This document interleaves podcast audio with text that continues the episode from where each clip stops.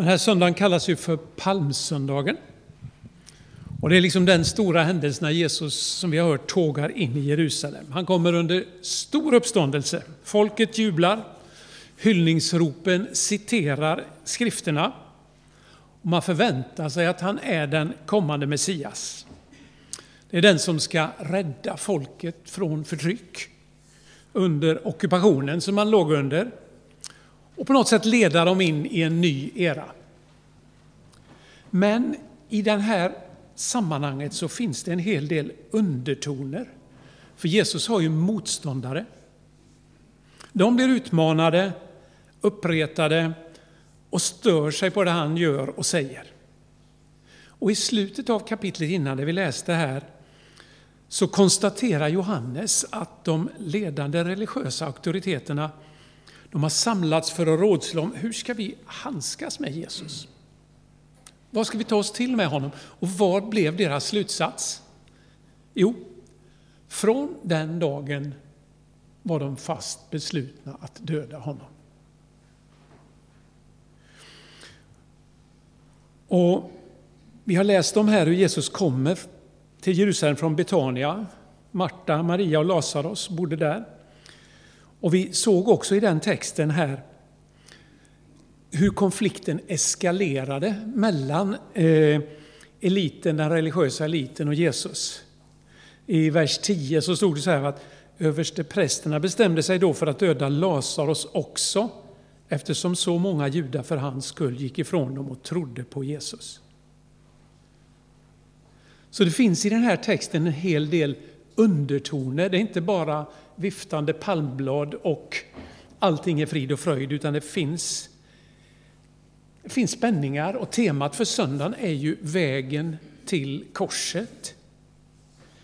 Och det finns fler texter i kyrkoåret och jag tänkte använda en av dem som en klangbotten till den här predikan. Den är hämtad från Filipperbrevet. Paulus skriver till den första församlingen i Europa. Och han förmanar dem bland annat så här att lev nu bara på ett sätt som är värdigt Kristi evangelium. Och så säger han, gör då min glädje fullkomlig genom att visa enighet. Det var tydligen problem med enigheten i församlingen. Och sen kommer de, tror jag, för de flesta väldigt välkända orden. Där han säger, tänk inte bara på ert eget bästa, utan också på andras. Låt det sinnelag råda hos er som också fanns hos Kristus Jesus. Han ägde Guds gestalt, men vakade inte över sin jämlikhet med Gud, utan avstod från allt. Och han tog en tjänares gestalt när han blev som en av oss. När han till det yttre hade blivit människa gjorde han sig ödmjuk och var lydig ända till döden, döden på ett kors. Därför, därför har Gud upphöjt honom över allt annat och gett honom det namn som står över alla andra namn för att alla knän ska böjas för Jesu namn. I himlen, på jorden och under jorden och alla tungor bekänna att Jesus Kristus är Herre, Gud Fadern till ära. I det här sammanhanget skriver alltså Paulus till församlingen om hur de ska leva, hur han vill förmana dem att leva. Och argumentet det är den förebild som Jesus hade. Och i min predikan idag så tänkte jag inte fokusera på själva Jesu intåg i Jerusalem utan kanske mer på hur lärjungarna reagerade och handlade. Inte bara just vid intåget utan i ett lite större sammanhang här. För om vi funderar på vilka var Jesu lärjungar? Vad var det som kännetecknade att de var lärjungar? Det var inte de smartaste på den tiden. Det var inte de som stod högst i kurs i samhället. De var inte de präktiga i samhället. Jag tror att det Jesus såg hos de här lärjungarna, hos de här väldigt olika lärjungarna som vi kan läsa om, va? det var deras vilja att de ville verkligen leva med honom. De var beredda att låta sina liv formas av honom. De hade en vilja att följa honom i vått och torrt. Och det är samma sak idag. Jesus erbjuder ett nytt liv. Ett liv fyllt med mer mening. Han vill ge kraft att leva ett liv i hans efterföljd. Ett utgivande liv som vi läste ifrån Filipperbrevet. Och det handlar inte om att vara smart och vara präktig, vara duktig. Frågan är, Jesus ställer inte, vill vi följa honom? Vill vi ta efter de första lärjungarna och vandra i hans fotspår? Men då tänkte jag ge mig, titta på lärjungarna lite grann. Hur var det för dem? Om vi tänker oss lärjungarna gick, gå bredvid Jesus där när han rider in i Jerusalem. Hur kände de sig egentligen då? Jag misstänker att de var ganska nöjda. Det var vi som valde Jesus först. Va? Vi har varit med honom hela tiden. De går bredvid där och folket jublar. Jag, det skulle inte förvåna om de känner ja, men det, vi är inte så dumma. Det var, blev nog lite vi där kan jag tänka mig. Och nu var tiden inne, tänkte de att nu ska Jesus träda fram. Folket förväntar sig en Messias och det verkar ju som att det fanns många Messiasgestalter i den tiden men det verkar som att här kommer en som vi kanske kan lita på.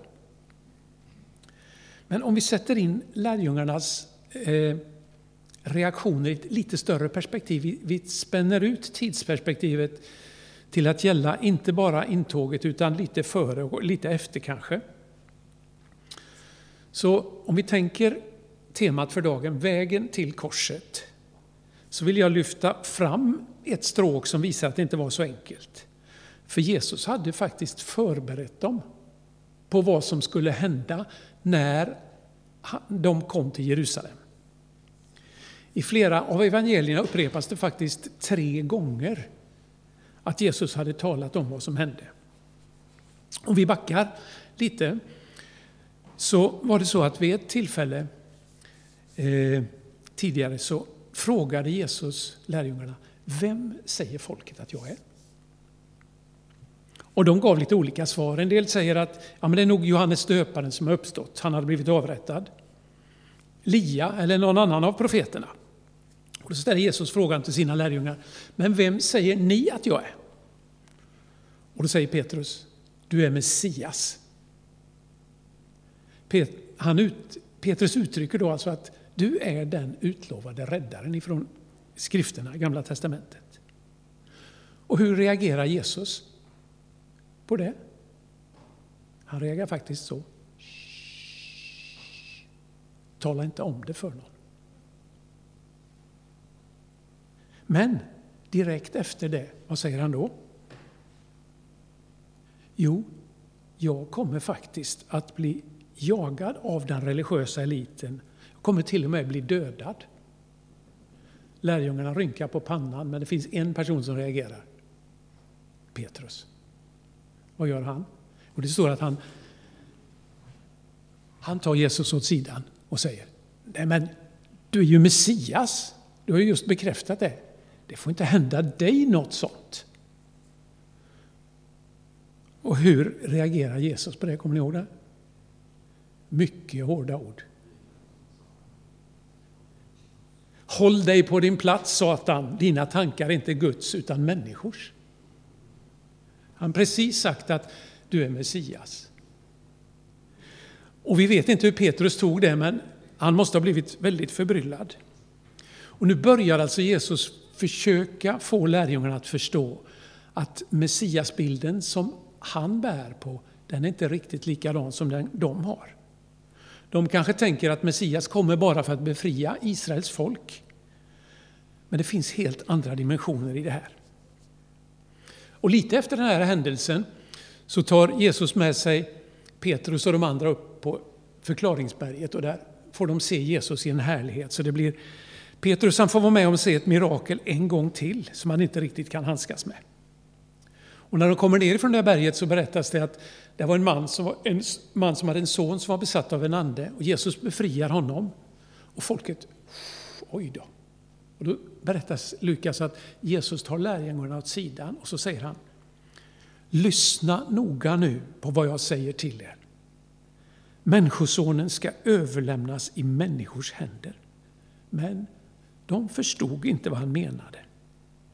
Det var fördolt för dem för att de inte skulle fatta och de vågade inte fråga honom vad det betydde. Jesus upprepar de här tonerna med att det kanske inte är riktigt som ni har tänkt när vi kommer till Jerusalem. Messias väg är vägen till korset. Det är där befrielsen ska ske. Och allt det här det har hänt uppe i Galileen. För i Lukas kapitel 9.53, en sån där vers som vänder på perspektivet. För det stod det så här. När tiden var inne för hans upptagande, då vände han sina steg mot Jerusalem. Och för att göra det lite mer konkret så slängde jag in en kartbild här. Eh, man har alltså varit uppe i Galileen. Och det här är alltså den vägen som man tänker sig att man vandrade i Jordandalen ner. Kom ner till Jeriko. Och ni vet, det är väldigt stor skillnad där, över tusen meters skillnad mellan Jeriko och Jerusalem. Så nu är man alltså på väg. Om man ställer stegen mot påskfirandet i Jerusalem. Förmodligen var det inte bara Jesus och de tolv utan flera andra som var på väg där. Men lite längre fram här hos Lukas så berättar han då, och nu kommer det tredje gången som Jesus försöker förklara för dem vad som kommer. Det står att han, han samlade de tolv omkring sig och sa till dem, vi går nu upp till Jerusalem och allt som profeterna har skrivit om Människosonen ska gå i uppfyllelse. Han ska utlämnas åt hedningarna, de ska håna och skymfa och spotta på honom, de ska prygla honom och döda honom och på tredje dagen ska han uppstå. Av detta begrep lärjungarna ingenting. Vad han menade var fördolt för dem. De kunde inte ta in det helt enkelt. Och sen på vägen upp så får lärjungarna vara med, med om ännu fler händer, ännu fler under. Och de här Jesu orden, när, när lärjungarna nu, när vi är framme då, att de kommer in i stan och folket jublar. Det finns nog inte med i deras tankar överhuvudtaget. Och sen gör jag en raceravslutning för vi känner, därifrån, från er tidslinje går däråt. Va? Eh, vi vet vad som händer sen. Va? Påsken, Jesus utlämnas, dör precis som sagt. Lärjungarna blir förtvivlade och Jesus uppstår. Och bara för att beskriva det här lite grafiskt så tänkte jag visa er ett diagram. Det gör jag lite för att ni ska komma ihåg den här predikan också. För vad är det här? Du kan trycka en gång till där så får vi...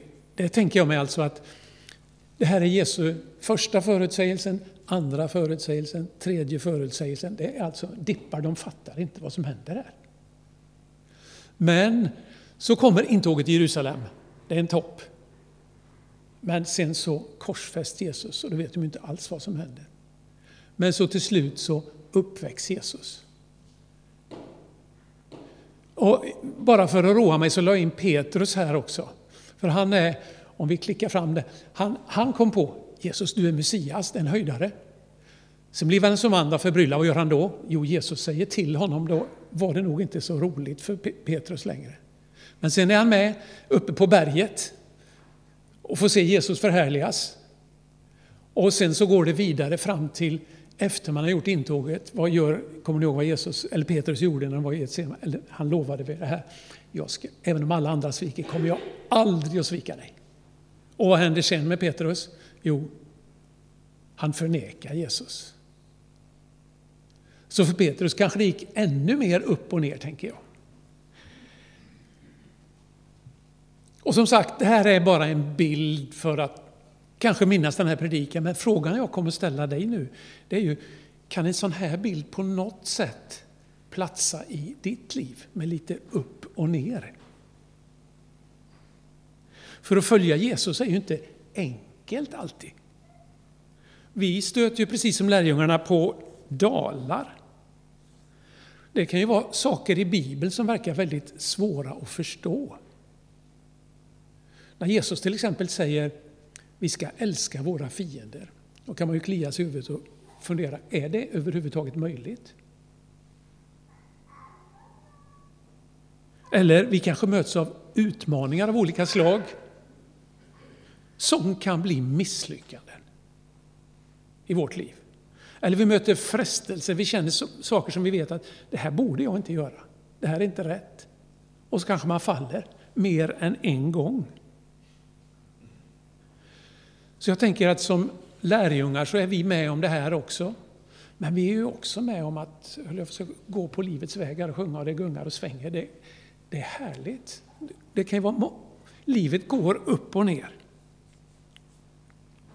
Och jag tänker att precis som för lärjungarna så vet vi ju inte vad vi kommer att möta. Vi vet inte vad som ligger framför oss. Och sen tror jag också att vi kanske har lite olika personligheter. En del personer kanske ja, de ligger lite högt hela tiden. Det är lätt, det är enkelt. Man har sån, andra har kanske en personlighet som är lite mer sådär hela tiden. Och för en del svänger det lite och för en del går det så här. Alltså, vi är olika.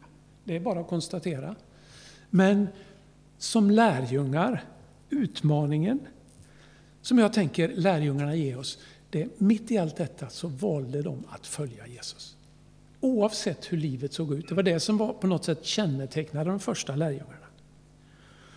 Och det är klart att skulle man fortsätta efter pingsten sen så blev det på något sätt en ny dimension för lärjungarna. Men det gjorde ju inte att de slapp utmaningar, de kanske blev av ett annat slag istället.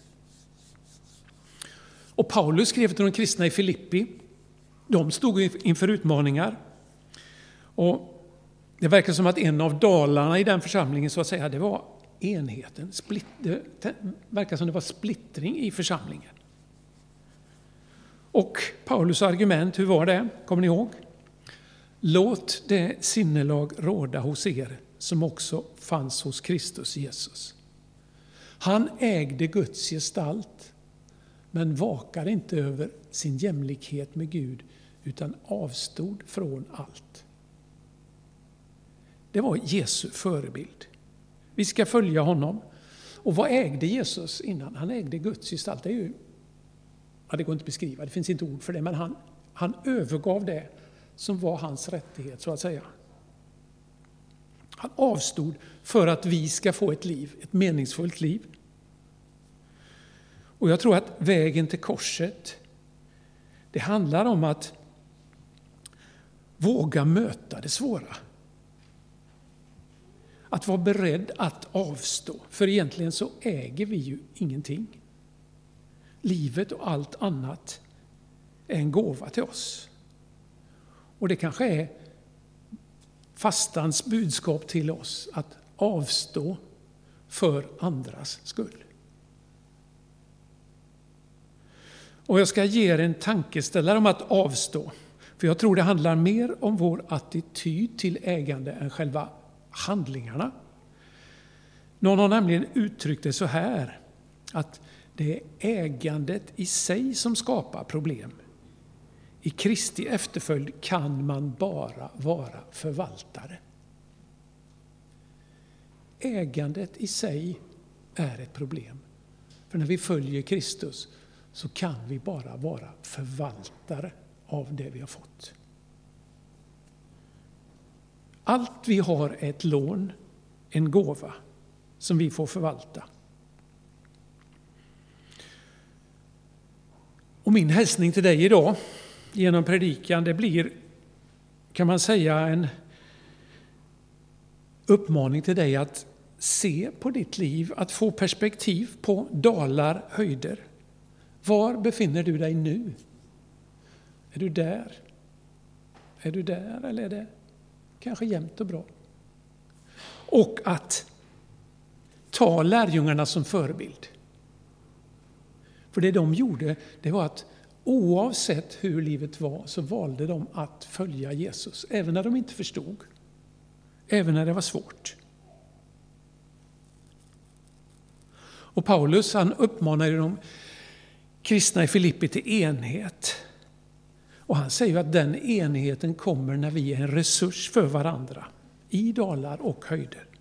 Tänk inte bara på ert eget bästa utan också på andras. Låt det sinnelag råda hos er som också fanns hos Kristus Jesus. Så låt oss stötta varandra och följa Jesus genom allt. Amen. Tack Jesus för att Du vandrade länge med lärjungarna och försökte få dem att förstå. Men de kunde inte förstå.